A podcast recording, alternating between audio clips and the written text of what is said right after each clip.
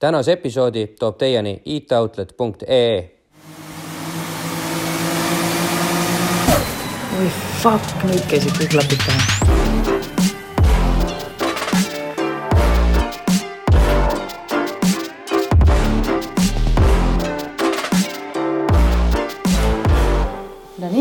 Tere jälle, käes on neljapäev ja tere tulemast vaatama või kuulama meie podcasti Klapid pähe.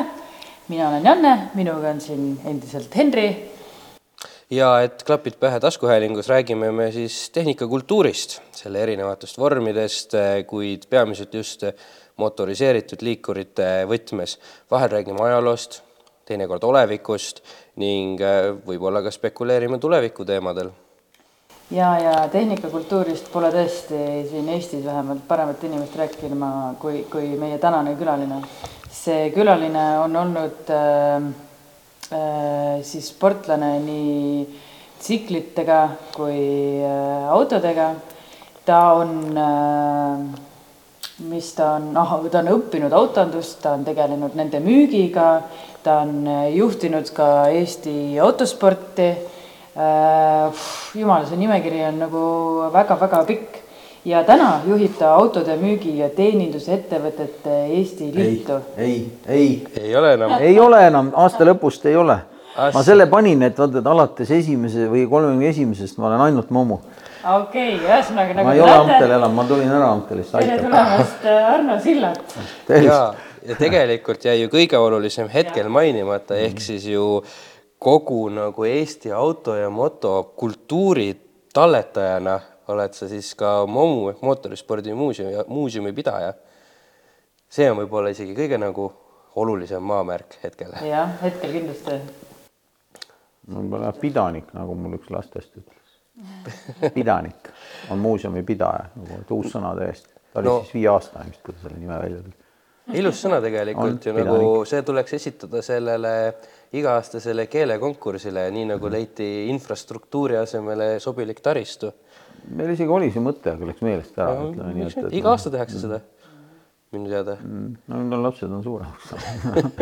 see ei ole oma aktuaalsust pole kaotanud, aga kuule, aga kiriks tänasest sinna täiesti algusesse tagasi, et äh, oled olnud äh, tsikli või mot- äh,, oota, kas tsiklisportlane või? kõigepealt vist üldse nagu see mees, kes mutreid keerab, aga ehk siis, ehk siis lähme päris algusesse, et muuseumi pidamiseni on ju tegelikult väga-väga-väga palju samme. et kust kõik alguse sai, kuidas sa üldse nagu niivõrd fänniks muutusid või niisuguseks nagu petrolheadiks said? arvan, et ma ei ole petrolhead. No see on nagu Raiko ütleb, et ta on see tehnik te,, mis huviline ta, tehnikahuviline või kuidas ta nimetab? huviline, see on olnud, see on elu olnud, et selles mõttes ja töö ja kõik, et, et vaata, ma ei ole nagu hu, ma olen huviline, ma ei ütle, et ma huviline ei ole, eks, aga et see tegelikult on kogu aeg mul olnud kaasas. et, et eks ta aga mis see esimene samm siis sinnapoole nagu no teada, see, et ma sündisin sinna peresse, isa, ema ja üks vanaisadest ehitasid või osalesid Estonia vormelauto. Emaga? ema oli normeerija, ema oli see, kes määratles ära Oo. kui palju aega mingi detaili valmistamiseks võib kuluda ja mis on selle töö hinne. see on Tema tänastes oli- Eesti ettevõtetes väga paljudes alahinnatud tema oli funktsioon. nagu projektijuht siis ei olnud projektijuht, normeerija, temal oli raamatupidamises üks inimene, kes jälgis, et õiged normid on tema on see, kes otsustab, et autod peavad lagunema hakkama sellest No, hetkest, et saaks uusi varuosi müüa. näiteks noh, tema käis kontrollimas teinekord, vaatas, kuidas treial näiteks laseb laastu. noh, mingite detailide puhul valand oli suurem, eks siis alguses lased laastu. ja noh, siis kui tema seal oli, siis nad lasid normi järgi laastu, kui ta ära läks, siis nad lasid ühesõnaga nii-öelda kaks korda kiiremini laastu ja teinekord panid, ütleme näiteks Estonia velgide treimisel panid, panid selle magneesium, alumiinium-magneesium välja põlema näiteks, eks. Noh, aga Joola kunagi ei pannud, Joola oli üks nendest treialitest seal. et see oli tema funktsioon ja see oli tegelikult väga oluline, isa oli konstruktor ja vanaisa oli sepp. ta oli termistide brigadir tol ajal. ja kui ma hakkasin käima, siis ma olin tegelikult ka väga palju tehases. mul oli niikaua, kuni elas vanavanaema, kes mind liigutas, nii-öelda logistikat tegi, nagu tänasel päeval öeldakse. siis ma sain tehasele, ma ei pidanud lasteaias käima, nii et ma õppisin metallitööd ennem kui lugema.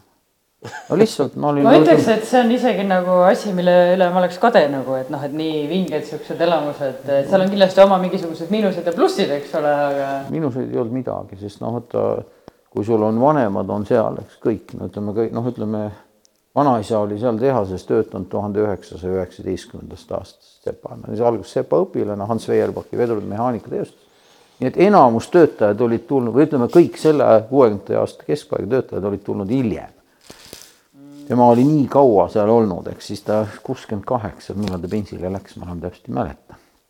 aga vanaisa oli nii, et, et selles mõttes niisugune polgupoja funktsioon tekkis natuke, ma ei tea, palju teile polgupoja nimetus ütleb see oli nõukogude ajal olid mingisugused, vaata sõja ajal tekkisid need orvuks jäänud lapsed, kes olid tihtipeale nagu väeosadega koos, ka sõdisid. noh, midagi muud ei jäänud üle, aga siis see noh, ütleme see, see väeosa olid nad siis partisanid või, või regulaarväeosad pakkusid siis talle nagu, nagu kaitset ja olid siis nagu temale kodu eest.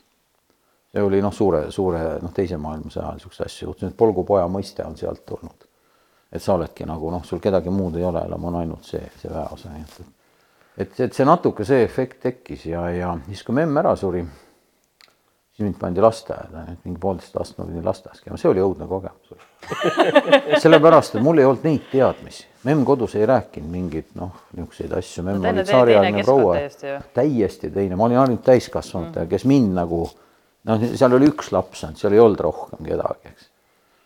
Noh, teistel töötajatel oli ka lapsi, aga noh, nad käisid nagu normaalselt nagu peab, ütleme, käisid lasteaias või kus iganes või hoidis kedagi memm kodus, aga meil oli memm jah, vedas mind hea meelega sinna. Ja ma mäletan, et ma läksin aprilli lõpus, läksin lasteaeda, vist esimene päev oli ja kohe esimene päev siis kasvataja küsib, et lapsed, kellel on täna sünnipäev? ja kätemääri tõuseb, kõik teavad. mina ei tea et kellel see täna sünnipäev võib olla, ma olin siis kuueaastane, eks. minul oli just sünnipäev olnud.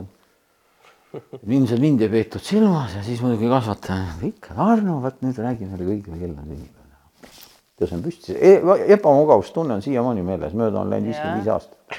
sihuke veidi piinlik jah. et jah, ja siis selgus, mis selgus, oli kahekümnes aprill Vladimir Iljitš Lenin oli see kuradi tõbras, kellel sel ajal oli sünnipäev lasteaias ühesõnaga tegelikult kuuekümnendate aastate lõpus käis, ma ei ütle, et see oleks jubeda majupesu olnud, ega see mind hiljem ei seganud, aga see oli programmis sees ja seda pidi rääkima, sest Lenin oli ju suur lastesõber ja noh, tegelikult täna me teame, et maailma üks kõige suuremaid terroriste. see ei olnud sinu ja. jaoks ajupesu, sest sa olid juba selleks, sa tulid alles siis sinna, kui see pesu oli juba tehtud. No,, teistel võib-olla oli. sealjuures sa ei ole ainukene, kellel selline lugu on, ka minu emal on põhimõtteliselt sarnane lugu, kui tema tuli lasteaiast koju ja siis ütles eh, minu vanaemale siis, et tead, mis me täna õppisime lasteaias, et Vladimir Lenin oli nii tore mees. Ja siis vanaemal, noh, tema vanemad olid, eks ole, viidud ju Siberisse, ära surnud seal, eks ole, ja siis et ei, Lenin sõi lapsi. et mingisugune nagu vastus kiirelt, mis hävitaks lapse selle tunde, oli vajalik noh, see oli see kahepalgeline ühiskond hästi, et, et aga jah, see oli nagu kole, mitte et last, lasteaias olid toredad kasvatajad ja mul on noh, osa, osa, osa rühmakaaslastega või noh, on mingil määral kontakt isegi säilinud, et selles mõttes ei olnud mingit nagu probleeme, aga aga jah, see, see vahetumine oli mm -hmm. nagu see oli, see oli nagu kole, aga noh, ütleme, et see metallitöö ja kõik see nagu suuna andis ette, et vot, et noh, kõik võidusõitja autod ja mul on kümme aastat noorem vend või noh, üheksa pool samad vanemad nagu ajal kombeks olid. tema on arst, tema ei ole mehaanikainimene üldse, tema ei käinud tehases.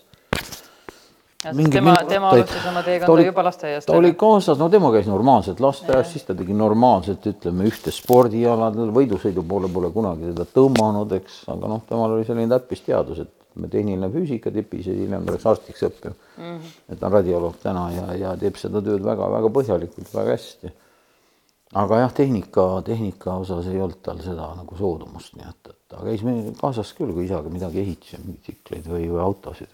aga mis asju. sinu järgmine samm oli, nii lasteaias sa käisid ju ära ja juba oli sul see pisik sealt eh, tehasest sees on ju. ja, aga siis tegelikult astus, astus vanemate nii-öelda suunav käsi astus vahele, nii et kui spordi, spordi tegemiseks läks mingil hetkel, see oli vist kas teine või kolmas klass, ma täpselt ei mäleta, siis ei olnud võidusõidust mitte juttugi väga lihtsal põhjusel, ema on hiljem seda rääkinud, noh aastaid hiljem juba. et tegelikult noh, tollel ajal võidusõidus inimesed said surma.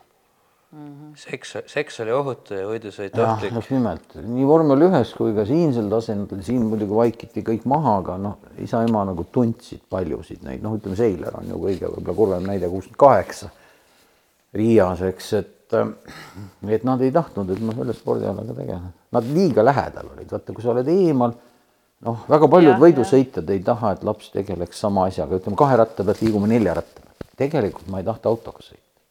Ma olin vormelite keskel üles kasvanud, aga ma tahtsin tsikli, maast madalast ma teadsin, et ma tahan tsiklit sõita, mispärast ma ei oska seda öelda. ei kart ega mingi asi mind ei tõmmanud, vormelit ka, ma olin sees istunud neile, ei ole äge, aga vot see ei hakanud, ei hakanud niimoodi külge, mootorratas, aga ei, ujumine. sellel hetkel tundus, see oli nagu ikkagi noh, vaimu vägistamine selles mõttes, et noh, kurat, mis mõttes ujumine, tead, et noh.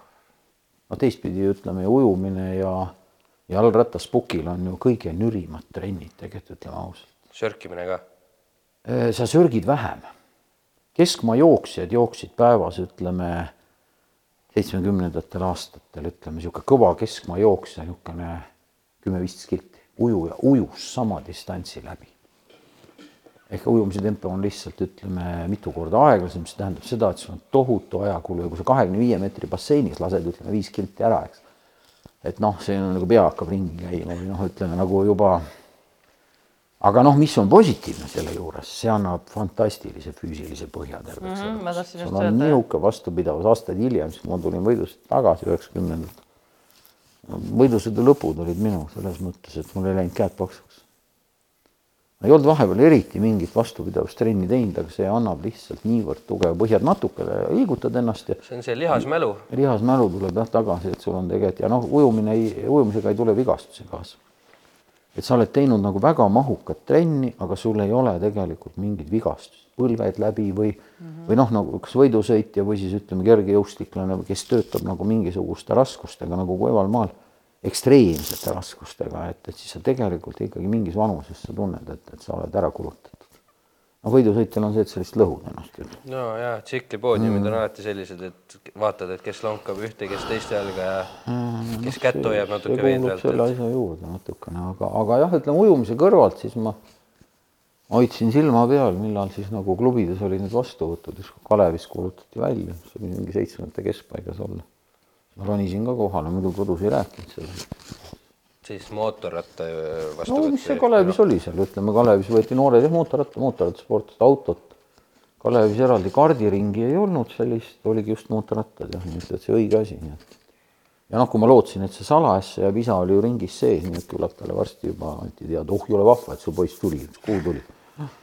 Okei okay., kodus ma ei rääkinud sellest, kodus ma läksin justkui ujuma, siis tulin tagasi, noh, tegin rätiku märjaks, kui parasjagu ütleme jooksemas ei käinud või midagi, et siis nagu tead, olen ujumas käinud muidugi jäin vahele, eks, et siis olid mingid repressioonid.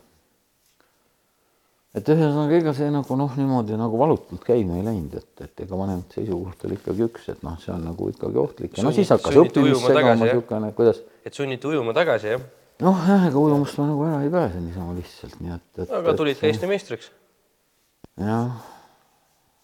no sellega on huvitav seis, et ütleme võidusõidus mul on üldarvestus neljandaid kohti on lõpmatu hulk, nii nagu olümpiamees Kaaber mõtles, on küll mõttetu, on küll.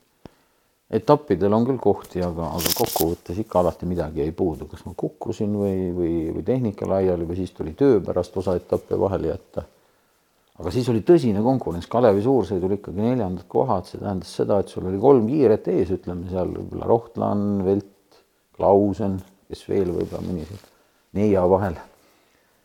ja selja taga oli veel kolmkümmend matši.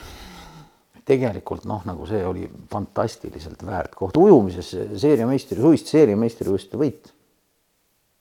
ässad olid kõik kusagil laagrites vabariigi tipp minu vanuses, eks, siis oligi, ütleme, kassid on ära, siis on hirtel pidu. nii et noh, selles mõttes noh, siia ma võiks juurde lisada, et ma olen Tallinna juunioride meister tõstmises. no ma ei ole üldse see kuju, eks, aga noh, kuna ma tegin esimesel kursusel mingi vigastuse järel tegin tipi kolmanda ühika all oli jõusaal. ma tegin mingit taastus, mingit, mingeid harjutusi ja Ole Vait oli tookord seal Olev Ait. Tema nimi, ta oli tipis, tipis dotsent vist äh, IT-alal. noh, suur, tugev ja noh, niisugune väga, väga hea treener. siis kuule, et Tallinna meistrivõistlused tulemas. näitas ära, kuidas käib rebimine, kuidas käib tõukamine, peale. ma tulin meistriks, kuna ma olin ainus oma klassis. nii et ma tegin ühesõnaga täiskasvanutes oli minust üks noorem poiss, tema oli siis teine, siis oli üks proff oli ees, ütleme üks vana tõstis oli see, täiskasvanud oli veel, nii et see noor kutt oleks noh, tema vist tõstis kokku kogu summas ma ei tea, üks kaks pool korda rohkem või et esiteks noh, ma olen liiga pikk tõstja jaoks, eks, et ma pean ajama ju kahe poole meetri kõrgusele selle kangi, eks. ja teiseks ma polnud eriharjutusi teinud, nii et seal, kus mina lõpetasin, noh, siis nad lasid aga kettaid juurde, nemad alustasid. nii et, et noh, see on kõik on vaata taustsüsteemist kinni, eks. et noh, selles mõttes eh, jah, kui vahel mingitel üritustel, et noh, Eesti meistrid tõusevad püsti, siis ma vahel ronin ka ikka no,. ega ma ei täpsusta, mis alal, aga noh, ütleme, et, et ma seda, seda, seda nagu ma ei tea, kas mul see diplomgi alles on, et ma seda ei väärtusta, nii et, et, et võidusõidus siiski need neljandad või viiendad, ütleme Kalevi suursõidul superbike'is viies koht, ütleme mingil aastal, see on, see on seda väärt, sest seal olid kiired nagu- mehed ikka. tähendab rohkem kui see ja, ja see on, see on nagu vot sellele, et ütleme, et noh, nagu toidupinge noh rohkem. alati on võimalik endale leida need klassid, kus sa nagu saad korjata, ütleme seda kassi kuurde kokku, eks. noh, neid viiekümne euroseid või odavamaid karikaid. aga, aga noh, vaata sellest rohkem on väärt see, et vaata, sa oled kõvade hulgas võib-olla kümnes, ja, ja, aga sa oled huntidega koos, eks. ja ütleme, et kui sa oled lammastega koos, võid sa esimene olla, eks, aga, aga no kellele ma seda karikat näitan, eks noh, lastele, nemad ütlevad, et aga miks sa jälle ära lähed, kurat, et kukud jälle katki ja noh, ühesõnaga nendel ei ole sellest naudingust tegelikult, eks. Iseendale ma ju tean, et seal ei olnud Agostini ega Reedman ega Valentino Rossi kohal, eks. selles klassis kaugeltki mitte, eks, seal olen algajate hulgas, oled parim, mis kurat see väärtus ei ole mitte midagi väärt noh, see on nagu see ujumise kord Eesti meistritiitel või tõstmises või noh, ma ei tea, võib-olla mingeid kümneid olümpiastarte, mul oli ka diplomid, oli igavene pakk, et ma tegin igast asju. ujumine andis niivõrd tugeva põhja, et igast asju võisid teha, keskmaa kurat kümne tuhandeni välja. no koolis pannakse ju võistlema. vaata, aga noh, ujumine ujumiseks on ju ja me jääme ikkagi rohkem nagu siin niisugune mootoritega seonduvate asjade juurde, et tsikli osa lõppes sul ikkagi mingiks ajaks nagu teismelisena ära, aga siis läksid TTÜ-sse, et siis äh, tehnikaalast nagu päriselt haridust saada lootuses kuidagi, et äkki jõuad autospordi või motospordi juurde sellega siis tagasi või, või mis no nagu jääb veel paar episoodi vahele, et kusagil ütleme mingi nagu uues-seitsmes klass, siis mul läks õppimine käest ära täiesti. ma pendeldasin kuidagi siin igasuguste kohtade vahel, eks ja ja eks ka klubis ikkagi mõni, mõni, mõni känd ikka hakkas äh, ajama lolli juttu, et kuule, mis sa sinna kooli lähed, tead, tule hiljem kohe hommikul klubisse, tead, aitad mul teha ja vaata siuksed nagu vastutustundetud täiskasvanud, ikka siukseid oli ikka ka vahel mõni ikka noh, mis kes Ah, täiskasvanud? täiskasvanud jah, et vaata noh, kes olid seal noh, mõni klubis Mhm. seal võib-olla mingit tööd tegi või, või kus ta käis täpselt, ega ma, ma isegi ei mäleta enam neid, isegi nägu ei tule meelde, et vaata, et kellega nagu niisuguseid jutte tuli ja, ja eks see muidugi Innete lehel kajastus ja siis võttis isa ette minu samade sõnadega, mis tema ise, tema võttis ette, kui tal oli ka, ta sõitis motokrossi ja veemotot ja läks ka õppimine käest ära mingil hetkel. ma ei tea täpselt, mis vanuses see temal oli. ja siis isa maalis temale ette pildi, mis on need variandid, eks, et sa võid võidusõidus ju võib-olla saavutada midagi, aga pere toita ikkagi noh, et ta Nõukogude Liidu spordisüsteemis ju ametlikult ju professionaale ei olnud, eks, kes ametlikult teevad seda tööd noh, reaalselt mm. oli kogu spordisüsteem oli sellele üles pandud, et, et ikkagi tipud mingisuguse hüvitise kusagilt said, nad olid ettevõttes arvel, ütleme, sa olid kas mingi autojuht või olid spordimetoodik või, või noh, kogu Nõukogude Liidu jäähokikoondis, eks ju, amatöörid, eks, Ameerika kuradi profide vastu, eks noh, ega nad ei kaotanud, pigem võitsid, eks. et noh, loomulikult nad ei olnud amatöörid, eks, aga et vaata see, eks see püramiid on kogu aeg kitsas olnud ja noh, siis ikkagi vanaisa rõhus isale rääkides, isa rõhus minule rääkides, et vaata, kui sa lähed nagu teist teed, et sa ei jäta haridusteed nagu pooleli ja sa keskendud ikkagi sellele, et liigud edasi, eks. et siis sul ühel hetkel tekib, vaata nõukogude ajal oli näiteks noh, auto erialal, ütleme lõpetanutest suur osa siirdus, siirdus transpordiettevõtetesse. alguses olid kolonni ülem, siis olid direktori asetäitja, peainsener, siis olid peadirektor noh, mingis vanuses juba ja, ja ettevõtete juhtkonnad, nende põhihobi seitsmekümnendatel, kaheksakümnendatel oli autoralli veoautoga, Volgaga, Ladaga, ühesõnaga autosid oli, millega sõita. mootorrattaid oli mingisugune kogus alati klubides, eks, pluss siis veel mõnel mees, mõnel ettevõttel oli veel korvpallimeeskond ja veel midagi, et ühesõnaga ettevõtetele see oli kasulik, kui sa paistsid nagu silma. ja rahasid selleks ka oli. et sa saad sõita küll. Aga et see, et, et, et ütleme, et kui sa nüüd valid võidusõidu, et siis absoluutsesse tippu jõudes jah, vot siis sa suudad nagu peret võib-olla toita, aga spordielu on lühike. kukud vigaseks ennast või mis iganes, et, et võidu sõita kindlasti, aga vot, siis juba nii-öelda nii-öelda oma, oma kulu ja kirjadega, et mitte niimoodi ja noh, siis sellest ma tegin omad järeldused, nii et tõmbasin mingisuguseid asju vähemaks. kaheksandas klassis ma mäletan, et siis vist võeti ära see kohustus trennis käia, et ma pean mingit sporti tegema. Noh, siis oli juba vabam, siis sai sporti ja siis juhtus veel üks huvitav intsident või mitte intsident, see oli üks juhus. mu vend käis ka ujumas, noh, tema tahtis, temale meeldis, temale ujumine oli kohe õige ala ja, ja käisime, vist oli väike Kadrioru väliujulad olid seal, kus on see Miia, Miia mandra või mis iganes see muuseum praegu. seal oli nagu sealt linna poole oli siis väliujula, mis siis, mida soojendati Kadrioru jäähalli jahutusveega. Et see oli talv läbi, oli minu arust lahti. ja pisike bassein oli siis lastele, siis pisikesed vabulad käisid seal ja seal oli siis üks treener. kuidagi ükskord läks jutuks, et vot, et aa, ma küsisin seda, et kas ma saaks samal ajal käia suures basseinis ujumas, no see mulle võimalus sebiti. siis muidugi treener vaatas, ujuja. noh, ma olin aastaid teinud, eks, ja, ja mingi järguga ma olin. ja siis pärast, pärast trenni tuleb rääkima, et kas sa viievõistluse ei tahaks tulla. Viievõistluses andis ujumine, andis fantastiliselt hästi punkte. see on see moodne viievõistlus, pentaton modernne. ratsutamine, laskmine, vehklemine, jooks ja ujumine. aa, selline ja see on tänase päevani, Imre Tiidemann on Eesti viimase aja kõige suurem äss sellel mm -hmm. alal, eks, ja, Eestis oli omal ajal ka, ütleme, olümpiakomitee pikaajaline peasekretär Toomas Tõniste oli, oli, oli ikkagi vabariigi tipp ja noh, see oli Eestis väike tõsiselt harrastava spordiala. et ujujana tead tule ja ujujatel oli vastupidavust ka mm. -hmm. põhimõtteliselt punktitabel oli selline, ratsutamist, kui sa läbisid parkuuri vigadeta, tuhat kakssada punkti. laskmises lased oma kakssada punkti ära, ka vist tuhat kakssada punkti vehklemises ütleme, võidad kõik ära, saad ikka mingisugune võib-olla tuhat nelisada punkti. ujumises, mida kiiremini sa ujusid, seda rohkem said punkte. enamus nad ujusid, ütleme, vabariigi tase oli niisugune kolm pool minutit, kolme, kolmesadat meetrit. vabariigi tipp. See polnud ühele ujujale kolmsada meetrit ujuda kolme poole minutiga, see on kõik imeki. ja joostes täpselt samamoodi, vist oli kolm või neli kilomeetrit, mis see distants oli mingi küsimus ei olnud joosta, et hea küll, lähen proovima, aga noh, muidugi ma.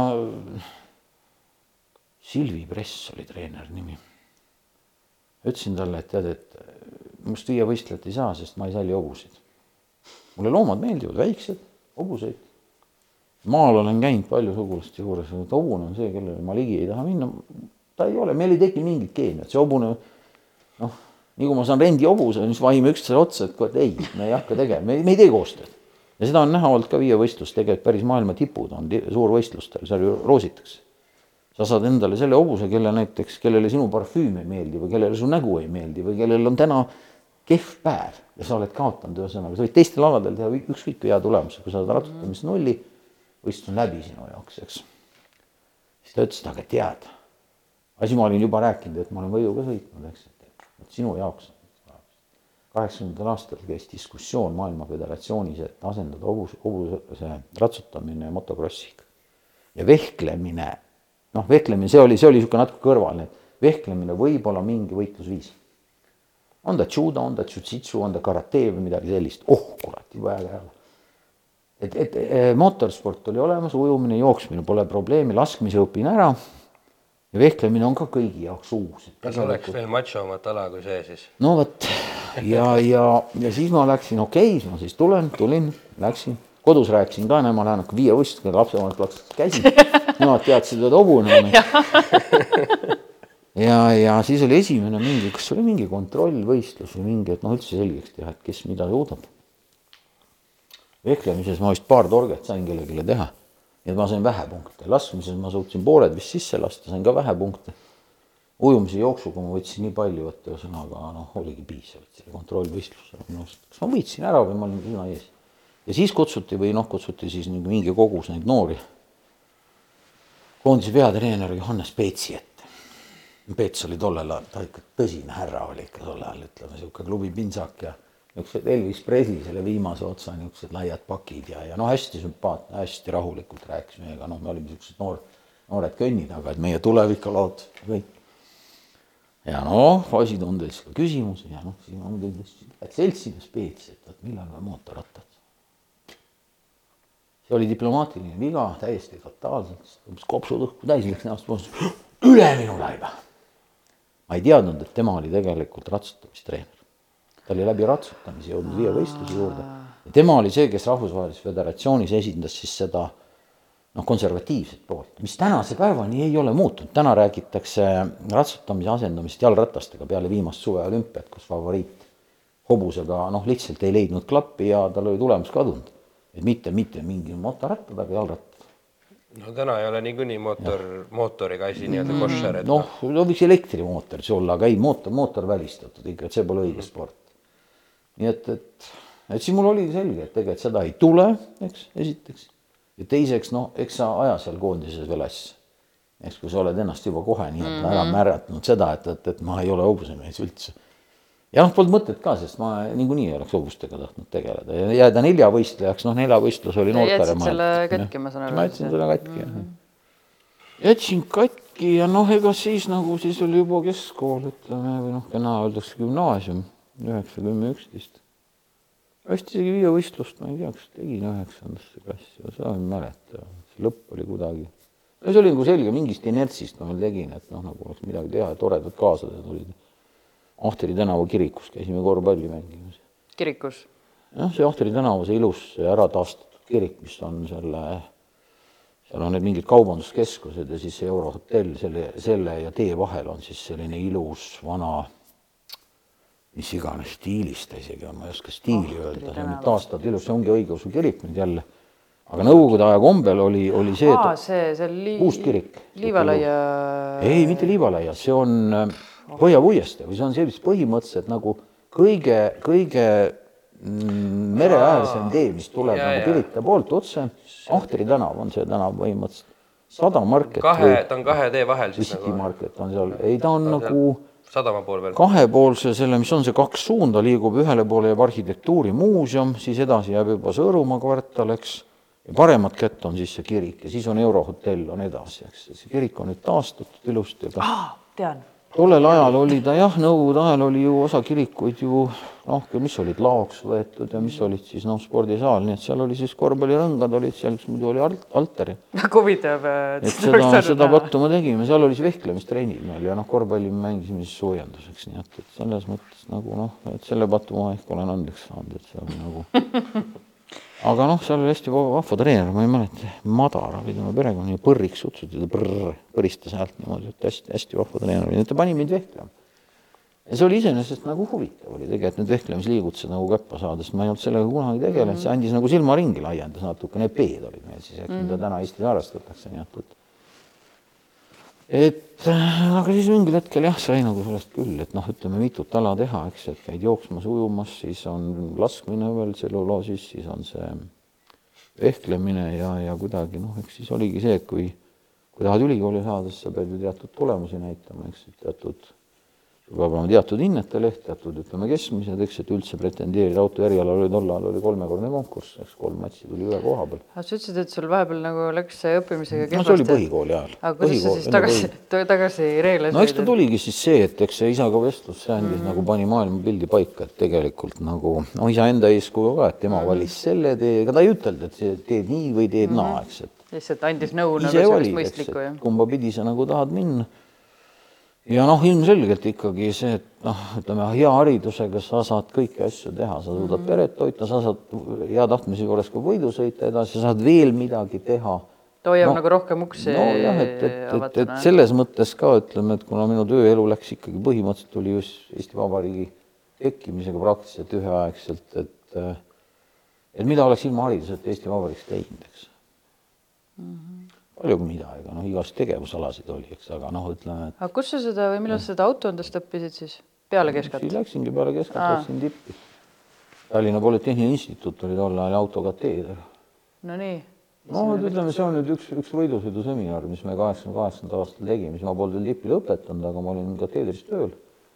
ma üritan nüüd oota sind leida siit, ega eesprillidega. isa mu kõrval, isa oli kateedri juhataja. Seal taga on siis ühesõnaga siinpool on osa, osa ütleme mingitest võidusõiduettevõtetest ja, ja klubidest ja teisel pool seal oli mingi pilt oli, ma saatsin pärast veel, oli teiselt poolt. seal oli siis Asmer ja Sadovski ja kes seal kõik kohal olid, nii et, et, et me tutvustasime kateedris siis välja mõeldud tehnoloogiaid, mootorite katsetamine, seesama stend, mis siin on. siis oli kanalite läbipuhumise tehnoloogia, me kasutasime Tartu naha ja jalatsi kombinaadis tehti tol ajal valati neid mahtkummist taldadega tossud. Olid, need kulusid muidugi kohe läbi, aga me valasime neid sisse-väljalaskekanaleid, valasime nagu vorstikesed sisse. Et noh, segad selle, selle ködi kokku, no põhimõtteliselt nagu Makroflex täna, tollal mm -hmm. Makroflexi nõukogude ajal ei olnud, et selle ködi kokku, valad sisse, paned kaane peale, et ta tihendaks ära ja veerand tunni pärast võtad vorstikese välja ja vorstikese pealt sa saad võtta mõõdud, sa saad kanalid mm -hmm. ajada täpselt identsed. vaata, katsu sa sisemõõte mõõta mm, -hmm. selle jaoks on olemas vastavad kaliibrid, aga, aga ikkagi, et kus kohas on keerised tekivad ja siis hakkasime selle järgi vaatama nii-öelda torud või need pulgad, eks siis hakkad plastiliiniga parandama, siis paned pea vaakumstendi, sealt tulevad juba hoopis teised resultaadid. no ühesõnaga eraldi, siis oli nukkvõlli arvestamise programm, siis oli telemeetria programm. Sandotiga selle stendi juures avamise ajal siis diskuteerisime, et kus oli telemeetria enne, kas meil või F1-s. me ei jõudnudki selgusele, ta ütles, et kui tema tuli F1-te Peugeot motospordis, siis seal juba oli. et millal täpselt tuli, noh, ma olen pärast mõelnud, peaks kunagi uurima, et kas oli meil enne põhimõtteliselt nii-öelda teadusasutusesse olemas või oli siis ütleme laia tarbena. meil võttis aega selle rakendamine, sideluba saamine. siseministeerium ei tahtnud luba anda, sest noh, et ikka bürokraatia taha jäi. see ei olnud bürokraatia, see oli kaitsevõime no,. siseministeerium leidis, et piiri lähedal ei tohi läbi eetri anda sensitiivset informatsiooni, mis on siis mootori temperatuur pöörlemissagedused, pidurdused ja mis seal oli, terve, terve ports neid andmeid, mis korjati kokku, mida siis saatja siis viskas boksist mööda sõites, siis viskas välja. et mida sellega potentsiaalne vaenlane peale hakkab, seda ma ei tea. ei, väga oluline on ja. see, et mis see Pikerniki ringraja peasirgel mootor ikkagi teeb, eriti või nagu soomlasele või noh. aga luba saadi, see oli vahetult selle seminari eel, seminar oli kaheksakümmend kaheksa siis saadi Balti sõjaväeringkonnast.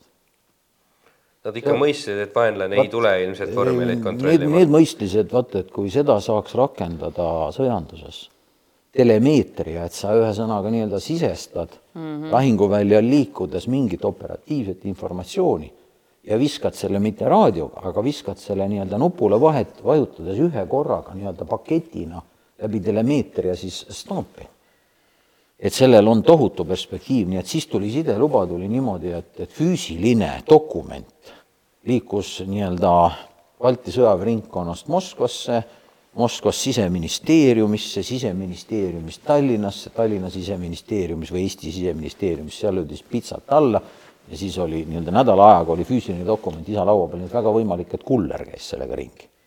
kuna Kaitseministeerium nägi selles potentsiaali, kurat, ägeda asja on vennad välja mõeldud, kohe tuleb luba anda, mis mõttest. no seal ühesõnaga keegi, kes oli, mina seal tookord ei käinud, aga üks polkovnik oli olnud, et tal oli see ordenilintide rivi oli olnud äh, märkimisväärne. ehk siis ta tõenäoliselt oli osalenud Süürias, tõenäoliselt oli osalenud Afganistanis ta oli, tal oli väga tugev teenistus, teenistus nii-öelda rivi ees juba, võib-olla isegi Etioopias. ilmselt nutti ka natukene rohkem nutti kui mõnel eelneval bürokraadil, kes no, oli seda asja nagu lihtsalt peale vaadanud. Tallinnas oli lihtsalt mingi miilitsamajor, kes oli, oli venekeelne major, eks, kes lihtsalt räuskas ja sõimas ja noh, tõenäoliselt ütleme, ta oli ka ilma hariduseta inimene, praktiliselt teinud karjääri ainult nii-öelda oma, oma kuulekuse ja, ja, ja, ja nii-öelda võib-olla tänu parteilisusele nii et, et noh, öelda alati, et kõik asjad sellel ajal nagu valesti olid, et tegelikult Kaitseministeeriumis oli või kaitsejõududes oli väga palju nagu elupõliseid ohvitsere, kes oli olnud juba noh, tipisõjalises kateedris oli üks viienda põlve ohvitser. et tema, tema esivanem oli Peeter Esimese ajal olnud ühesõnaga juba nii-öelda armees ja kogu aeg siis nii-öelda pojad, pojad siis liikusid edasi, nii et ta oli ka olnud Süürias sõjaline nõuandja ja mis iganes kõik tal oli valutsi või seda sertifikaate oli piisavalt. äge, äge vend oli ka, nii et, et. No igatahes seal tipis siis nagu puutusid kokku võidusõidu selle poolega, mis siis on äh, nagu tehnika, ütleme, kuidas öelda, kontroll või seadistamine ja, ja selle parem, parendamine, et tegid siis koostööd tolleaegsete tippudega nagu Asmer ja või... no ütleme, autokateedril oli, oli leping ATMM-iga, Autotranspordi ja Maanteede Ministeeriumiga, kelle halduses töötas äh, autoremonditehaste süsteem, sealhulgas ka Tallinna autoremondi katsetehas, kus Estoniat tehti.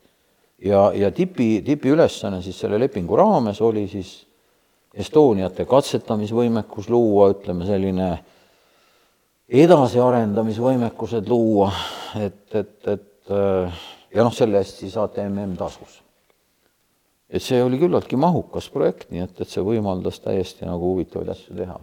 et noh, see andis nagu võimaluse võidusõidule tulla lähemale. ega mul siis ei olnud ka mingisugust erilist nagu suurt tõmmet, et ma nüüd tahaks kindlasti vormelit sõita, aga noh, kui tsikliga ei, ei teki võimalust, et noh, siis vormel sobib ka, eks. et see andis lihtsalt nagu selle et seal siis nagu mõlgutasid ikkagi niisuguseid mõtteid ja lootust, et noh, et ehk saab kuidagi ise ka nagu no, rooli? no ütleme, et lõpetad ära, eks noh, kas ma siis jään, jään tipi juurde, eks, et siis ütleme, võib-olla mingil hetkel oleks vist isegi uude lepingusse, siis kaheksakümmend kaheksa, et see seminar oli nagu esimese etapi lõpp, et kus siis kanti ette nagu ettevõtetele, mida on välja mõeldud, mida on tehtud järgmisse lepingusse minu arust isa kirjutas sisse ka selle, et, et tippautokateedril oleks siis vormel olemas, oleks mingid kaardid olemas, oleks veel midagi, et me saaksime ka reaalselt neid nii-öelda seda, seda juba läbi katsetatud toodet proovida ka siis masina peal mingisugustel teekatsetel. sest tehna, tehniline park oli olemas, meil oli rahv olemas tookord ja, ja mingid järelkärud ja kõik see oleks olnud nagu lahendatud nii et, et see, see oli täiesti, täiesti realistlik, et, et kõike seda asja jah, see on kaheksakümmend üheksa, mul oli juba aastaarv oli natuke valesti, minu arust kaheksakümmend üheksa vist. aga noh, see oligi tegelikult juba Nõukogude Liidu lõpp praktiliselt, et siis juba mm -hmm. Estoniate tootmine juba nii kõikus mõnevõrra ja, ja noh, see oli aeg, kus juba oli Estek moodustatud paremad jõud liikusid Tallinna autoremondi katsetehasest Estekisse, et teha siis ühisettevõttes vormel kolmesid maailma turu jaoks. see oli hoopis teine perspektiiv. et, et maailm juba hakkas meie ümber nagu muutuma, et Mihhail Gorbatšovi reformidega tegelikult tuli seda vabadust väga palju sisse, noh, alguses tulid kooperatiivid, siis individuaalne töine tegevus lubati, eks selle eest raha saada, eks siis tulid kaheksakümne üheksandal aastal tekkisid väikeettevõtted, sellel pinnal tekkis Tallinna autoremondi katsetehasest eraldus väikeettevõte Kavor, kart ja vormel siis hobujaama filiaal, kus vormeleid ja karte tehti. noh, erinevalt ütleme Vene Vene suurettevõtete ärastamisest, äh, väike Kavor ei üritanud suurt autoremonditehast kuidagimoodi erastada ega ärastada, et, et eesmärk oli ikkagi, ütleme, toota ja teha neid vormelit. plaan no. oli suurem tegelikult, selles ju, selles suhtes. see oli maailmavallutus, autoremonditehas, eks autoremonditöökoja ärastamine nii-öelda oleks olnud ju siis endale töökoha loomine ja sisuliselt no võib-olla jah, võib niimoodi vaadelda, aga, aga noh, ütleme see, eks, eks hobujaama filiaal oli ka ikkagi ju väike ja suhteliselt selline, noh küll tooti vormelit palju, aga noh, nii-öelda sisenedes nagu vabale turule, noh siis tulnuks ikkagi edasi arendada. Estek oli selles mõttes hüpe edasi. Estekisse investeeris Okrasa Oettinger eesotsas Gerhard Oettingeriga viissada viiekümne tuhande, viiesaja viiekümne tuhande D-marga väärtuses sisse seadet, kaasaegseim metallitööstus sisse seadet, lihvimispingid, asjad, kõike oli võimalik praktiliselt teha. viissada viiskümmend tuhat D-marka kaheksakümne kaheksandal aastal, see on umbes kuus miljonit eurot praegu. võib-olla isegi kuus pool. väga suur investeering tegelikult, mille Oettinger tegi. väga julge siia panna seda, sealjuures noh, poliitilist olukorda kõike arvestades. väga tark tegelikult ei noh, seda muidugi jah, aga mõtle, kui oleks see vastu taevast lennanud, siis selles mõttes risk oli suur. lendaski tegelikult, lendaski, aga mitte sellepärast, et kuidagi Nõukogude Liidu lagunemine, aga noh, ettevõte lihtsalt kräditi tühjaks kohapealsete sellide poolt, nii et. no see ongi see suur risk. noh, see oli risk jah, aga, aga Oettingeril oli tegelikult üks, üks, tähendab, üks asi oli see, et Eestis oli vormeli tootmise kogemus et, et, et see teda nagu kutsus siia, teiseks ütleme noh, rendihinded nullid praktiliselt, eks, kuuenda kategooria Luksepa dollari oksjoni hinnas sa võisid saada kahekümne dollari eest kuus. noh, kuuenda kategooria luks, see oli siis kõige, kõige kõrgema kategooria mees, täna kutsetasemes seda, seda taset üldse ei ole. see on põhimõtteliselt inseneri või ütleme, tehniku ja, ja luksepa vahel, kes võis ise teha rakised. Sulle anti joonis ette ja sa tegid ise endale rakised, millega sa hakkad tööriistu tegema tänane kutsetase üldse sellist, sellist meest ei, ei näegi ette üldse, et sul oleks nagu võimalus nagu poolinsenerid olla. täna vist on ta lihtsalt juba teise nimega. no siis tulebki juba, siis ja. tuleb juba see rakendusinseneri tasemed tulevad vastu, aga siis see on juba seotud formaalse haridusega. aga tollel ajal kuues kategooria seda sai teha, nii et, et ja, ja noh, ütleme, et eks Oettinger nägi ju ette, et, et kui sa tuled uue tootega turule, mida Saksamaal oleks siis Oettinger ise nagu aidanud turustada, Okrasa Oettinger oli tol hetkel Saksamaa suurim tuuningettevõte. Volkswagen Audi grupi autod käisid suures osas kõik tema, tema tuuningpinkidest läbi. et ta oli ikkagi võimas tegija. et ta oleks müünud Esteki autosid seal alguses odavama hinnaga, et ta Lara, Ralti, Reinardi ja mis iganes seal veel need tootjad olid, et nende vahele hakkad suruma turuosa endale sisse vähehaaval toode on hea, on odavalguses, suurendad, suurendad, siis oled juba tuntud, sa hakkad hinda tõstma ja siis hakkad kasumit võtma. see oleks tegelikult niimoodi läinudki, sest ega Oettinger sai väga hästi aru, et igavesti kahekümne dollari eest Luksepp tööd ei tee. et ühel hetkel see maailm muutub, eks ta nägi ette, et see Nõukogude Liit võib-olla avaneb rohkem ja kõik sellised asjad juhtub. Seda, et liit kokku kukub, ei teadnud ei KGB ega FBI ega CIA, mitte keegi ei osanud seda ette ennustada, et niisugune asi juhtub. see lihtsalt juhtus ühel hetkel aga noh, Oettinger sellest ei profiteerinud, nii et, et selles mõttes, tal oli tegelikult üks emotsionaalne põhjus ka. tema isa oli, või õigemini nende suguvõsa oli olnud tekstiilitootjad. ja tema isa noorema pojana mm, ei jäänud mitte nii-öelda peaettevõttesse juhtiks, juhiks, aga suunati siis nii-öelda kaubaagendiks asumaadele kusagile ja tema alustas siis Revalist või Tallinnast kahekümnenda sajandi algus ja alustas, tal läks siin hästi et ta siis hiljem siis sai peakontorisse nii-öelda kutse tagasi. peale seda pere, pere osaliselt siirdus autondusse. ja see oli Gerhard Oettingeril meeles, et vaata, et see oli üks vahva koht ja ta tahtis seda kohta aidata. ja noh, üldiselt öeldakse, et üks heategu kahju, ütleme, karistuseta ei jää, noh, ta jäi oma investeeringust ilma. Ja noh, ta oli küllaltki eakas mees, nii et, et eks see tema lõppu võib-olla, võib-olla kiirendas, võib-olla ei kiirendanud. ma ei oska niimoodi hinnata, kui kui suur või ütleme, kui valuline see investeering või selle kaotamine temale nagu oli, pigem oli see usalduse kaotus, et näed, tegime siin vahvaid asju, ma usaldasin inimesi, investeerisin ja vot nüüd läks niimoodi. noh, rahakaotus, noh, eks ta võib-olla seda riskikapitalina nagu ka nägi, eks tegelikult Nõukogude Liitu investeerida, pagan teab, mis saab. see oli üks esimesi ühisettevõtteid Nõukogude Liidus. nii-öelda lühend oli SB oli ettevõtetel taga, et noh, see Finest SB, eh, EKE Sadolin SB, no see SB tähendab puhas venekeelne termin, ühisettevõte. et see ei olnud midagi ägedat, see oli lihtsalt, ühesõnaga nii nagu täna on AS on aktsiaselts, siis oli kuule, aga me oleme nüüd natuke kaugele läinud vist. Äh, see, see sinust kõik on väga põnev äh, kuulata loomulikult, aga rohkem tahaks äh, sinu teekonnast konkreetsemalt. Jah, sest lõpuks jõuame me ju selle muuseumini välja ikkagi. just. no. ja, et tuli Eesti aeg peale, tuli töised asjad. et sa lõpetasid seal selle kooli ära. Läksid Tarki, ei läinud Tarki? ei läinud Tarki. kui me vaatame tegelikult muuseumi arengut, siis muuseum tuli ennem sisse. ennem kõige muu algust ei, mitte algust, aga ta tuli seal keskel, nii et ütleme, et ma ei olnud tippi lõpetanud veel. meie kursus oli esimene, mis demograafilise augu tõttu võeti ülikoolist ära, muidu Tehnikaülikoolides Nõukogude Liidus ei korjatud ära, sa said bronni lõpetamiseni.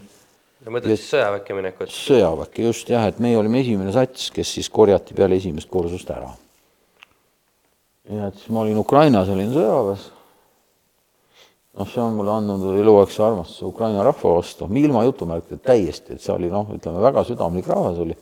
see, mida meile Sampoliit, ütleme iga kord, kui me linna, linnaloa saime, siis räägiti, et Äh, et Gniezdo Banjerovtsev puudub provokatsi, ehk siis see on bandeeralaste pesa ja tulevad provokatsioonid, me oleme, me olime Tšernotseis, see oli siis Lääne-Ukraina, eks. ei tulnud provokatsioone, inimesed suhtusid väga hästi, sõdur oli väga populaarne seal, igasuguse, igasuguses vanuses, igasuguste inimeste hulgas. ja talvel näiteks tegime kusagil mingeid töid või olid mingid õppused, tihtipeale mõni, mõni paabuska tõi samakat. vähe ta tõi niisuguse väikse pooleliitrise panka ja purgi. et ei olnud plaanis teid täis joota, täis, aga et sõdur saaks sooja mm. -hmm. selles mõttes see, see tunne ei ole mitte kuhugile kadunud, nii et, et just mõni aeg tagasi mu rahvakirjanikust sõjaväekaaslasel Juhan Püts, Juhani Pütsipäevaga meenutasime, siis ta kirjutas sellest oma kolumnis Maalehes ka, et kuidas ühesõnaga, et vaata see, see Nõukogude nagu tegelikkus, mida üritati näidata, et siin on meeletud natsionalistid ja kohe tead, Nõukogude sõdurid umbes tead, tullakse kallale kõigi selle kahe aasta jooksul mitte ühtegi korda ei olnud, no kui sa ise lähed kusagile kellegiga lööma, noh, muidugi tekib kaklus, aga, aga kui sa oled nagu normaalne, siis kuidas noh, poes lastakse ette, tead, et et soldat tuli, tead, et noh, mine, tead, mutid seisavad rivis, kõik, neil ei ole ka kerge, eks. tule, soldat, sul on alati kiire. Eestis seda ei olnud. Vanemad isegi ütlesid, nemad hakkasid ka sõduritesse paremini sellepärast, et mina olin seal, eks, et nad said väga hästi aru, ma rääkisin, kirjutasin neile koju.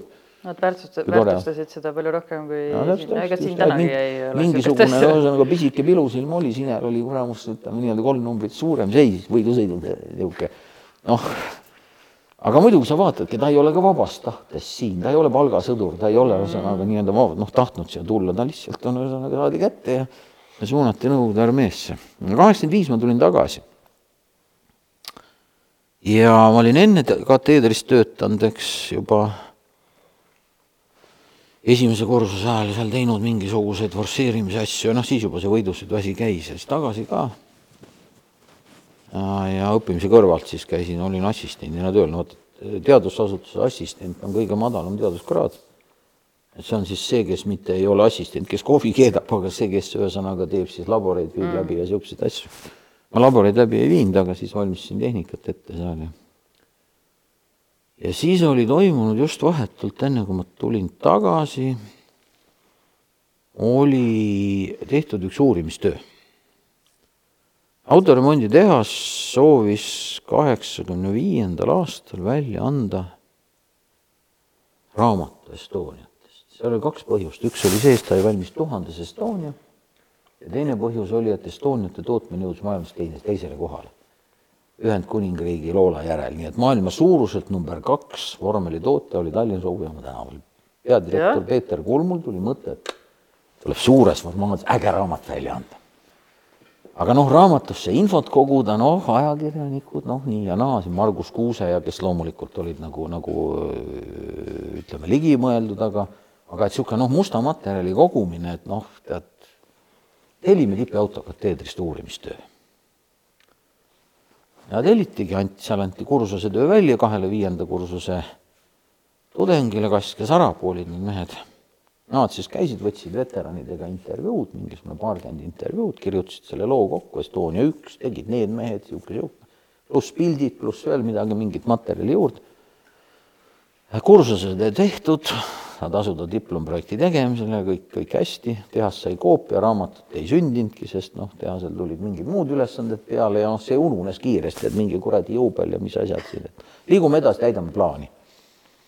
aga keegi sellest veteranide seltskonnast, ma ei tea siiamaani, kes, lasi lahti kuulduse, et see uurimistöö tehti selleks, et tipiauto kateedrisse, Kalinini sada kuusteist oli tookord see aadress tipi vana peahoone kõrval oli soojustehnika ja, ja autokateeder. see oli vana Bekkeri sadama tuletõrje. Kopli otsas siis? Kopli otsas? Kopli otsas jah, peahoonest ütleme nii-öelda seal, kus trammi lõpppeatus on, siis selle, selle ütleme sada meetrit enne siis peahoonet. et sinna tuleb Estoniate muuseum. mis kuradi muuseum, õppeasutus, ruumi niigi vähe. siis mõned vanad hakkasid oma asja kes tõi karikad, kes tõi mingeid varuosi, kuramus, mingit siukest, noh. aga võeti vastu ka selles mõttes, keegi no, nagu tagasi ei ütleme jah, okei okay,, alguses võeti vastu jah, et noh, hea küll, et jätke siis siia, kellega teil kokkulepe, noh, sekretär pärast mm. rääkis. ei no me ei tea, siin pidi muuseum tulema, noh, hea küll, kurat, ei teagi, võib-olla tõesti tuleb. ja siis ma tulin sõjaväest tagasi. ja siis isa ütleb, et sina oled meil võidusõidumees, tead, sina võta see muuseum, sa oled kahekümne, ma olin kahekümne ühe aastane, eks kaks aastat Nõukogude armees olnud, üks lühike puhkus ainult ära, see polnud Eesti armee, kus sa võid ikkagi üsna mm. tihti käia kodus ja toidetakse hästi ja sa oled ikka pärapõrgus Eesti mõistes. noh, mitte et seal ilmtingimata nii halb oli, aga, aga noh, ütleme, see on ikka sõjavägi, see on raske, sa oled ikka piiratud, sa oled nagu natuke nagu vangis umbes ikkagi, sa välja ei saa nii et vabalt. ja nüüd kurat muuseumit hakata tegema. no aga Võidusõidu muuseum, noh nojah, siis ma olingi, siis ma saingi endale ülesandeks, nüüd assistendi töö oligi siis see, et kui mingid tähtpäevad on, siis tegin mingeid stende ja muuseume no. ühesõnaga, et päriselt saigi nagu sealt siukse alguse ikkagi tegelikult. käima, aga noh, mitte, mitte kuigi aktiivselt, ega ma ise käin midagi otsimas, kes jälle midagi tõi, panin ja. kapi ära, kapp kinni. no mis on nõukogudeaegsed koledad kulkud, eks noh. kassikuld tolleaegne, eks, et noh kes tõi? tol ajal nii-öelda väärtusetud varuosad ja mingid. no jaa, aga see, kellele, see, kes see tõi temale, olid need ju nagu selles mõttes tead, see võib nii ja naa olla, mõni lihtsalt tead leidis võimaluse, et peaks ära viskama, sai ära tuua seda ka jah, et. nii, nii palju südant ei olnud, et ära visata, kui naine ja. ütles, et riiulid on täis, et viska ära, et siis nagu. ei no endalgi kodus on mõned asjad niimoodi noh. saab ära viia ja ega see, see käib tänase päevani, seda ma ei pane kuidagi pahaks, see on ikkagi parem, kui panna roheliste recycling'u kasti, eks need asjad, eks nad kaovadki, et täna siiski meie juures me suudame hoida neid asju, kunagi ütleme noh, mingi asi ikkagi, ütleme aja teljel muutub hoopis see väärtuslikumaks, see on huvitav vaadata ka tänasele kassi kullale viiekümne aasta pärast tagasi, et noh, küll olid koledad mhm. karikad või küll olid ilusad või mis iganes. ja, ja ei tea kunagi, kelle lapselapsest võib saada suur võidusõitja näiteks, et siis üks vanaisa karikas, kolmanda koha karikas võib olla väärtus, väärtuslik, et näed, et kolm põlvkonda võidusõitjaid või midagi siukest. või ka hiljem veel. aga noh, selle muuseumiga võin niimoodi öelda, et noh, et ütleme kuni üheksakümne esimese aasta alguseni noh, mingit aktiivset tegevust ma nagu ei, ei. lihtsalt ei mingisugused siuksed äh, näitused natuke. ei, ma ei mitte midagi, lihtsalt tead, midagi oli kapis, mingit materjali, mis kätte tuli natuke võib-olla siin-seal, kui aega oli. aga kuidas, kas, kas see lihtsalt siis äh, selles mõttes, et äh, kas ta oli nagu eksponaadiks olid need asjad kuskil väljas ja keegi sai. ei olnud, need olid lihtsalt. lihtsalt olidki kappi. Need ei olnud kuidagimoodi tähendab nii-öelda valikuline, seal ei olnud ju mingisugust, lihtsalt keegi tõi oma, kes tõi oma, ma ei tea, hunniku kolbe, kes tõi veel midagi, kas need üldse olid Estonia kolbid. me lihtsalt panime nad kusagile kastidesse ära, et noh, toodi kiri peale, et kes ja. tõi. vahel mõni ütles, ei, ma jätan teile siia, ei, mina ei taha midagi, tead umbes nii, et noh, ma ei tea, kust sai need asjad. kas sa tead, mis võiks olla esimene asi või sihuke, mis äh, niimoodi toodi? ei mäleta vot seda ei mäleta, seda me nagu ei teinud, aga me, meie esimene museaal, ei, tegelikult kõige esimene asi oli ju see töö see on meil, see on, see on meie esimene museaal, see on meil olemas. oota, mis asi? see, see uurimistöö Estonia tuhat vormelit. ja oh, kas see, kas see on ka nagu originaalköites alles no, selles täiesti, mõttes? täiesti, kulunud kõik kole, niisugune nõukogudeaegne oh, kiirköit ja erinevat värvi paberid veel. noh, tudengitel, mis kätte sattus, kaks meest kirjutasid, see oli, osa lehti olid ühe poolt kirjutatud, osa teise ja. poolt, niisugune noh, ütleme niisugune tüüpiline tudengitöö. aga seda see... ei ole tänaseni keegi trükki lasknud äh see oli kahe tuhande kaheteistkümnenda aasta Eesti Autospordi Liidu selles aastaraamatus Aa, on kakskümmend lehekülge nagu sellel, sellel tööl okay. baseerub, selle ma kirjutasin ise kokku, et küll anonüümselt, ma ei tahtnud oma nime panna, sest tol ajal oli Autospordi Liiduga võib-olla suhted olid niisugused. Aga ühesõnaga, seda on nagu ikkagi kuidagi. ja see on, see on nagu käsitletud jah, ja Juhan Sein on Äh, Tallinna Kõrgema Tehnikakooli poolt on niisugune piiratud seeriaga raamat on ka välja antud, niisugune okay. väike brošüür, seal on ka enam-vähem. ma lihtsalt mõtlengi, et noh, et keegi on teinud nagu rasket ja, ja suurt tööd, et ja, siis. Äh, ei, see on, ei see, ütleme tudengitöö raskust võib-olla ei ole mõtet ka üle hinnata, et see oli nendel kursusetöö no,, see olnud niisugune aga ikkagi no, mingi väärtus tal nagu ja, on ja, kahtlemata, nii et ühesõnaga mõlemad, ütleme, autorid on meie juures nii-öelda tasuta teenindatavad. me oleme mõlemad siin ka käinud, et et selles mõttes on, on elu kuidagi tulnud kokku, nii et, et aga. aga vahva ikka selles mõttes. aga üheksakümmend üks juhtus see, et neljandal jaanuaril isa suri. ja siis tegelikult see muuseumi tegemine omandas minu jaoks hoopis teise, teise nagu dimensiooni.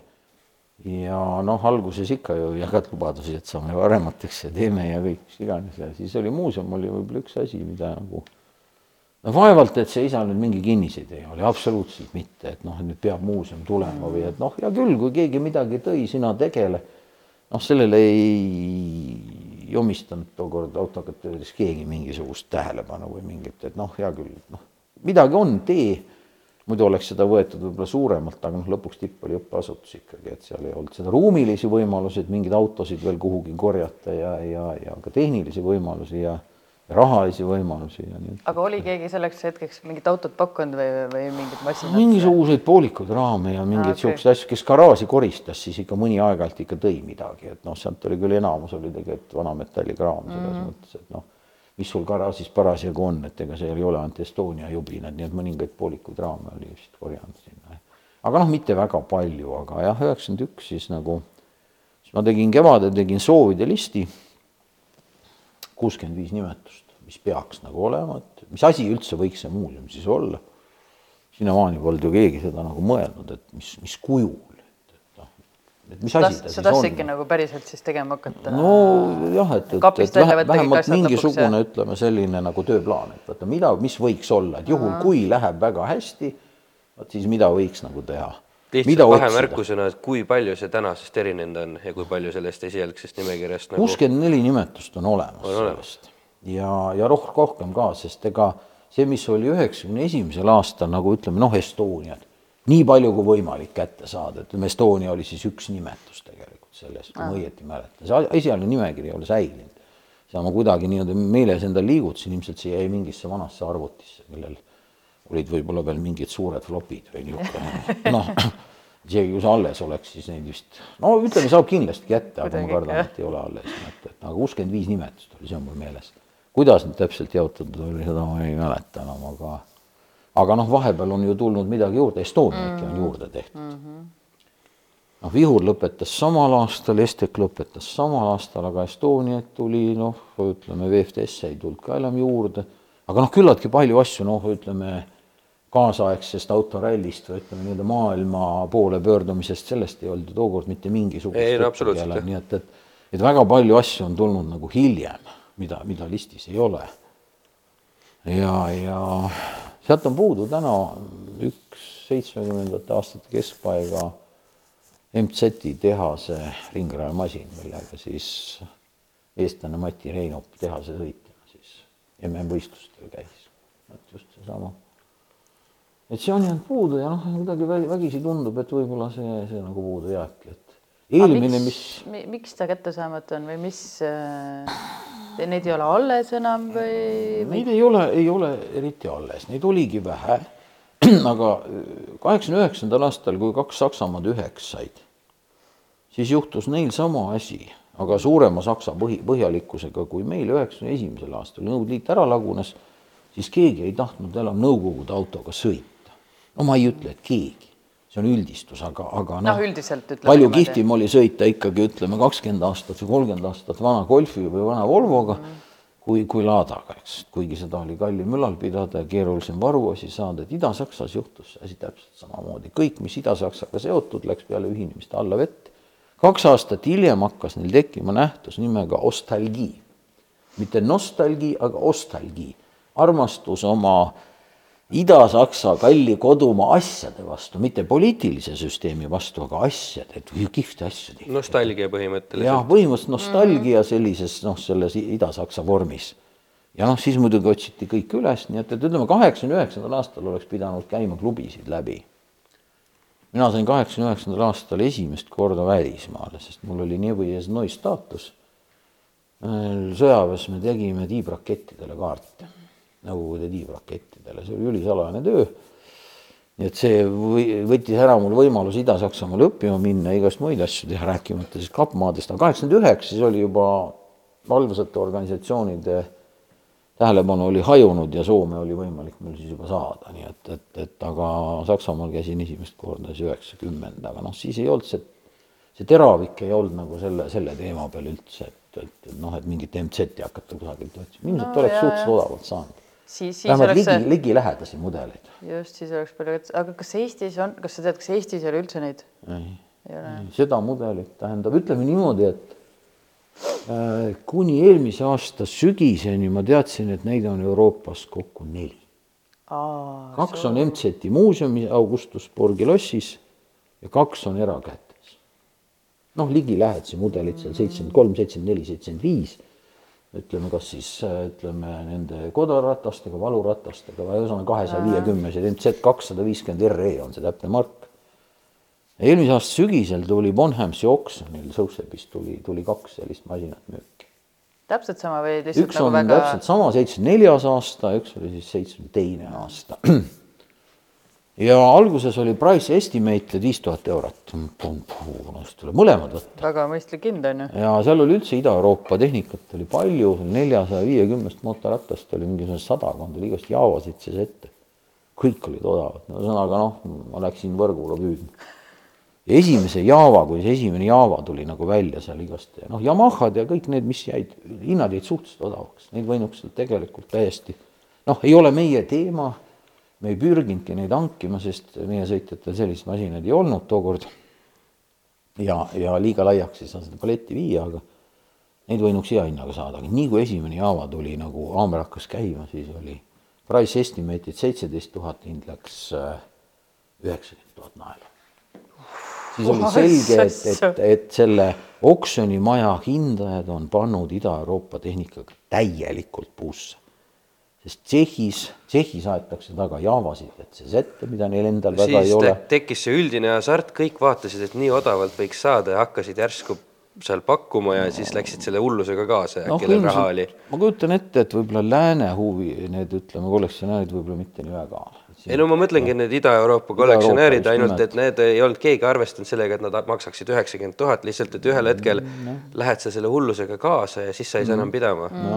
hasart noh, jah, jah. Haamri hinnale naeltes lisandub Buyers Premium kolmkümmend protsenti, siis lisandub kursivahe kolmkümmend protsenti praktiliselt, ütleme ühe koma kolmega tuleb korrutada, siis lisatransport, siis kõige selle otsa pane kümme protsenti tolli Euroopa Liitu toomisel ja siis pane veel kakskümmend protsenti käibemaksu otsa. oota, palju ka siis see MZ lõpuks läks, mida kolmkümmend üks tuhat naela jäi see, mis oli see haamer, mina kolmekümne juures lõpetasin. Nii sest noh, mul kalkulatsioon kogu aeg käis, viiskümmend et tuhat eurot laias laastus oleks olnud see, kaheksakümmend, üle kaheksakümne, kõigi maksude, kõigi asjadega 80 koos, 000 nii et ühesõnaga, et noh, ühe mootorratta eest, vot see juba, ütleme, et see noh, kolmkümmend üks tuhat naela, see oleks olnud siis nelikümmend tuhat eurot, see oleks olnud veel, ütleme, viimane piir. aga see läks kuhu?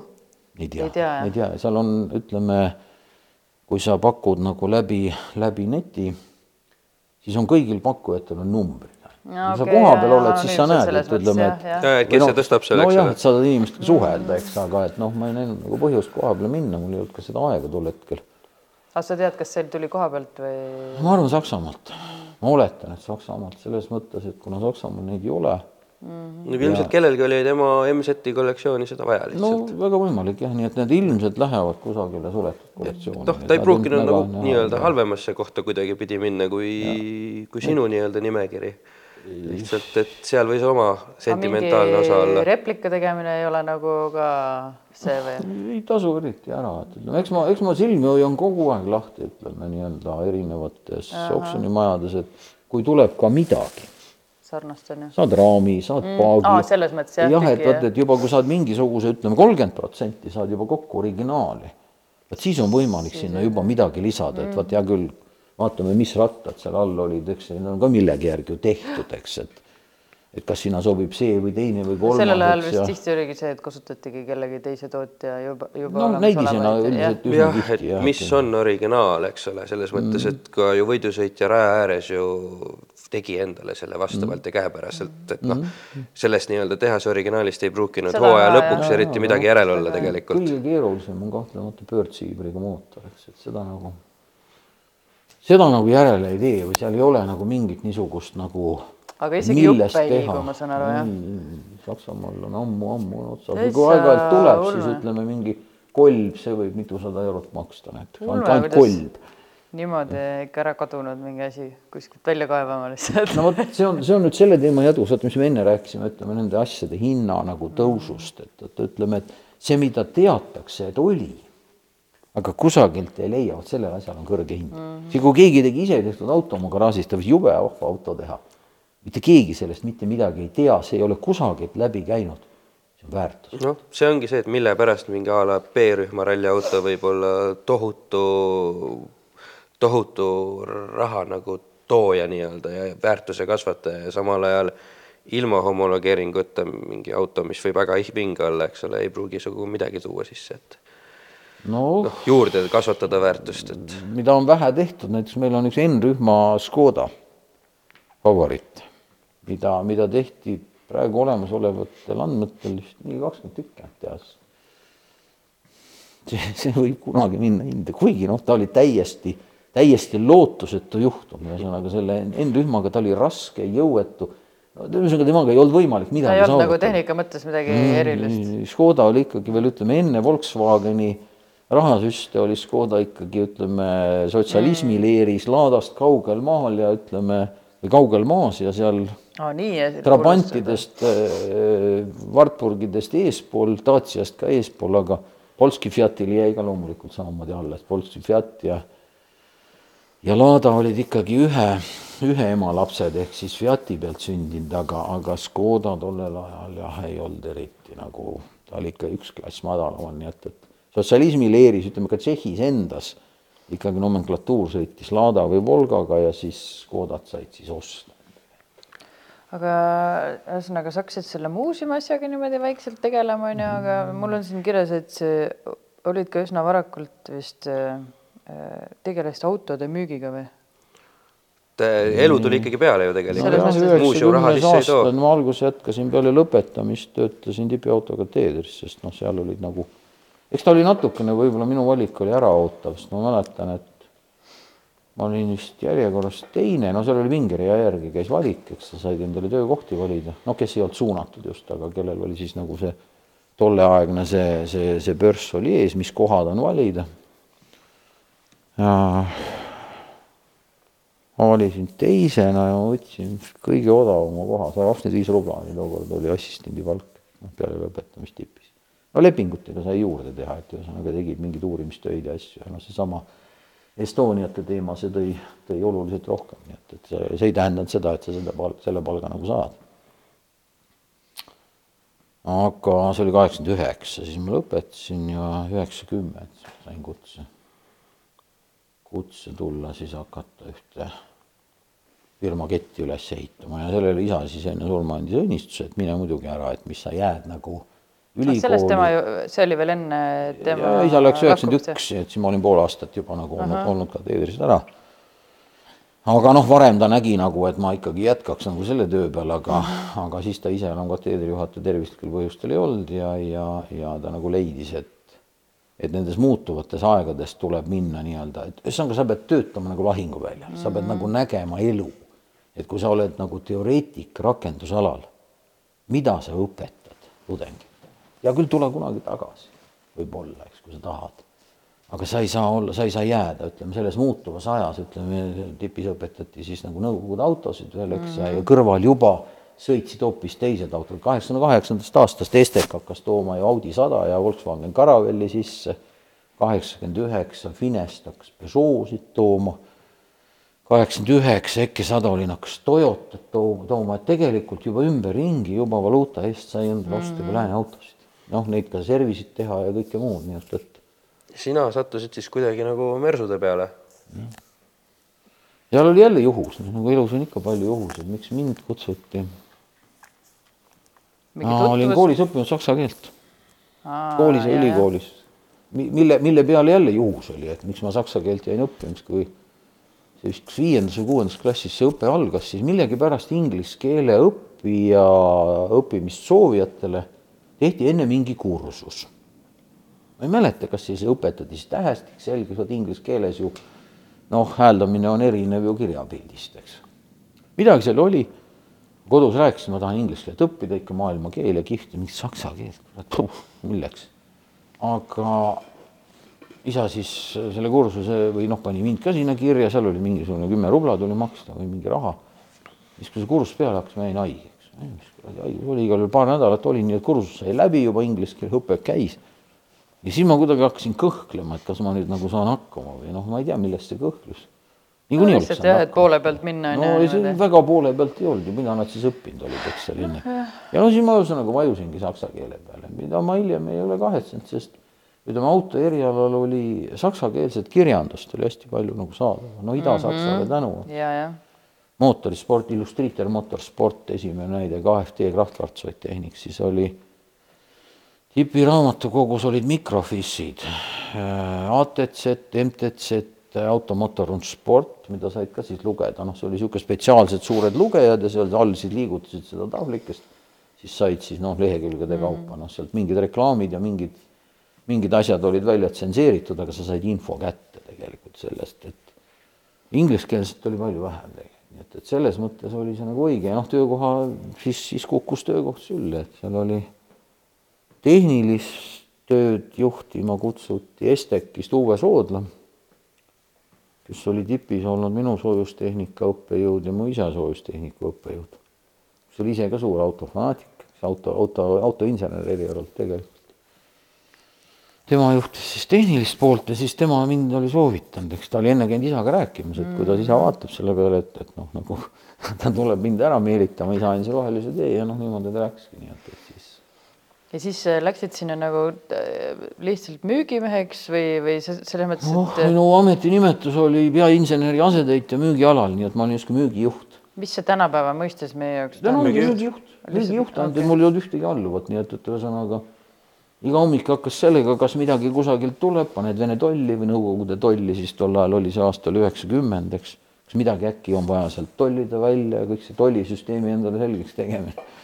varuosade asjad, see oli omaette ooper. sest Uwe keskendus puhtalt tehniliste küsimuste lahendamise peale.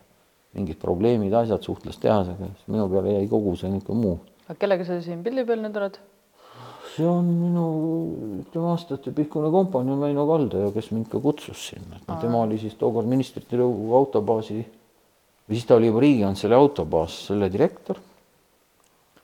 ja noh, kui Uwe mind soovitas, siis ma läksin Väino, Väino jutule.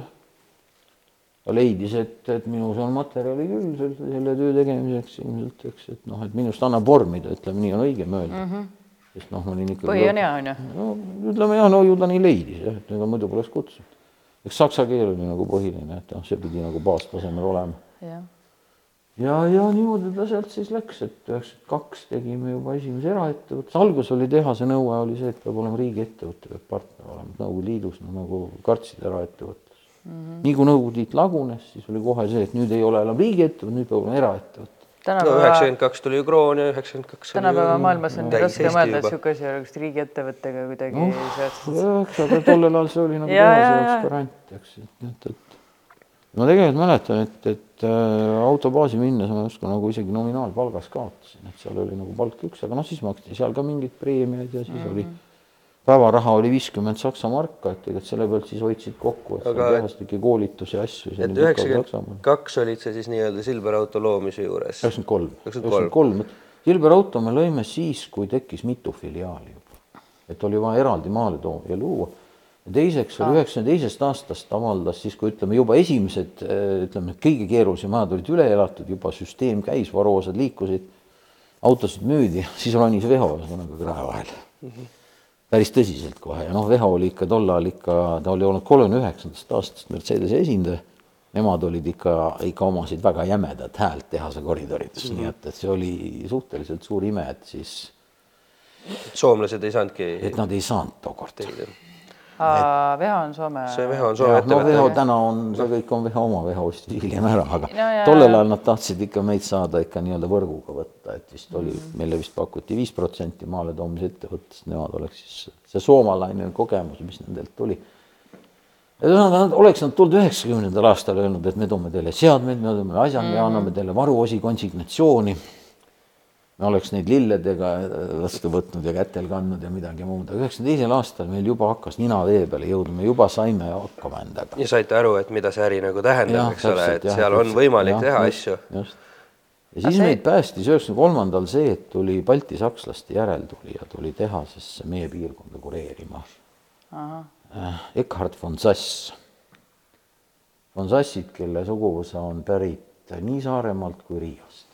ahah, ja, ja ütleme, temal ei olnud soomlaste suhtes mingeid õrnu tundeid.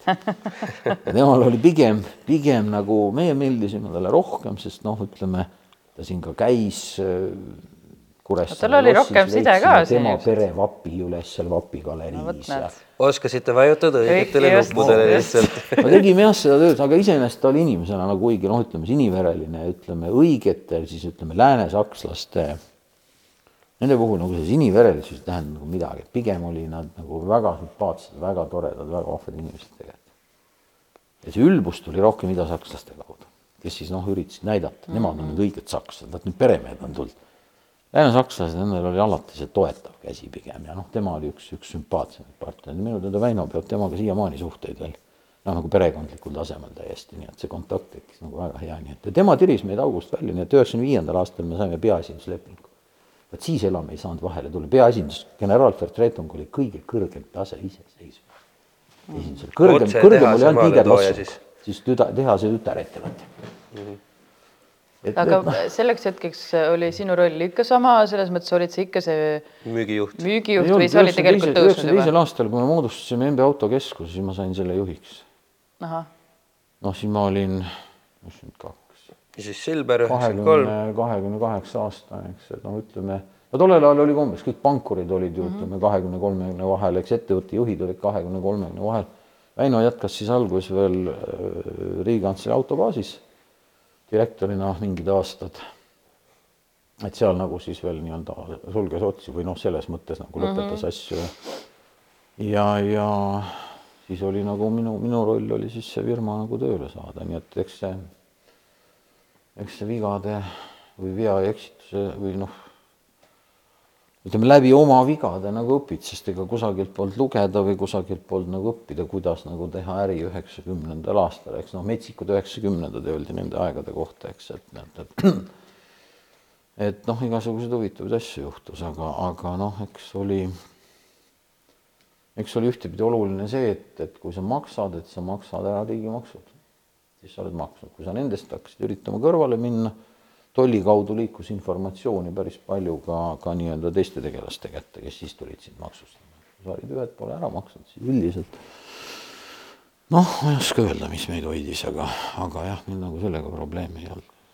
et me saime nagu asjad, no ütleme, et eks sa, eks sa pead olema oma sõna, sõnale kindel, nagu mida sa oled lubanud, seda pead täitma nii ja siis nagu liikus aeg edasi, jõudsid ikkagi siis nagu spordi juurde ju tegelikult tagasi, et kui, kui tööd oli tehtud üksjagu ja hakkasid siis ise ju tsiklitega sõitma eelkõige jälle üheksakümnendate lõpupoole. üheksakümmend kaks tegelikult ma hankisin esimese, esimese paigi endale.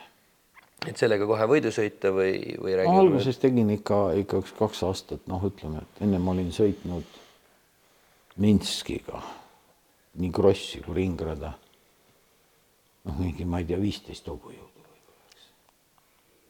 ja siis oli superbike Yamaha FZR tänavasõiduratast, ma ehitasin selle. no sada hobujõudu oli küll.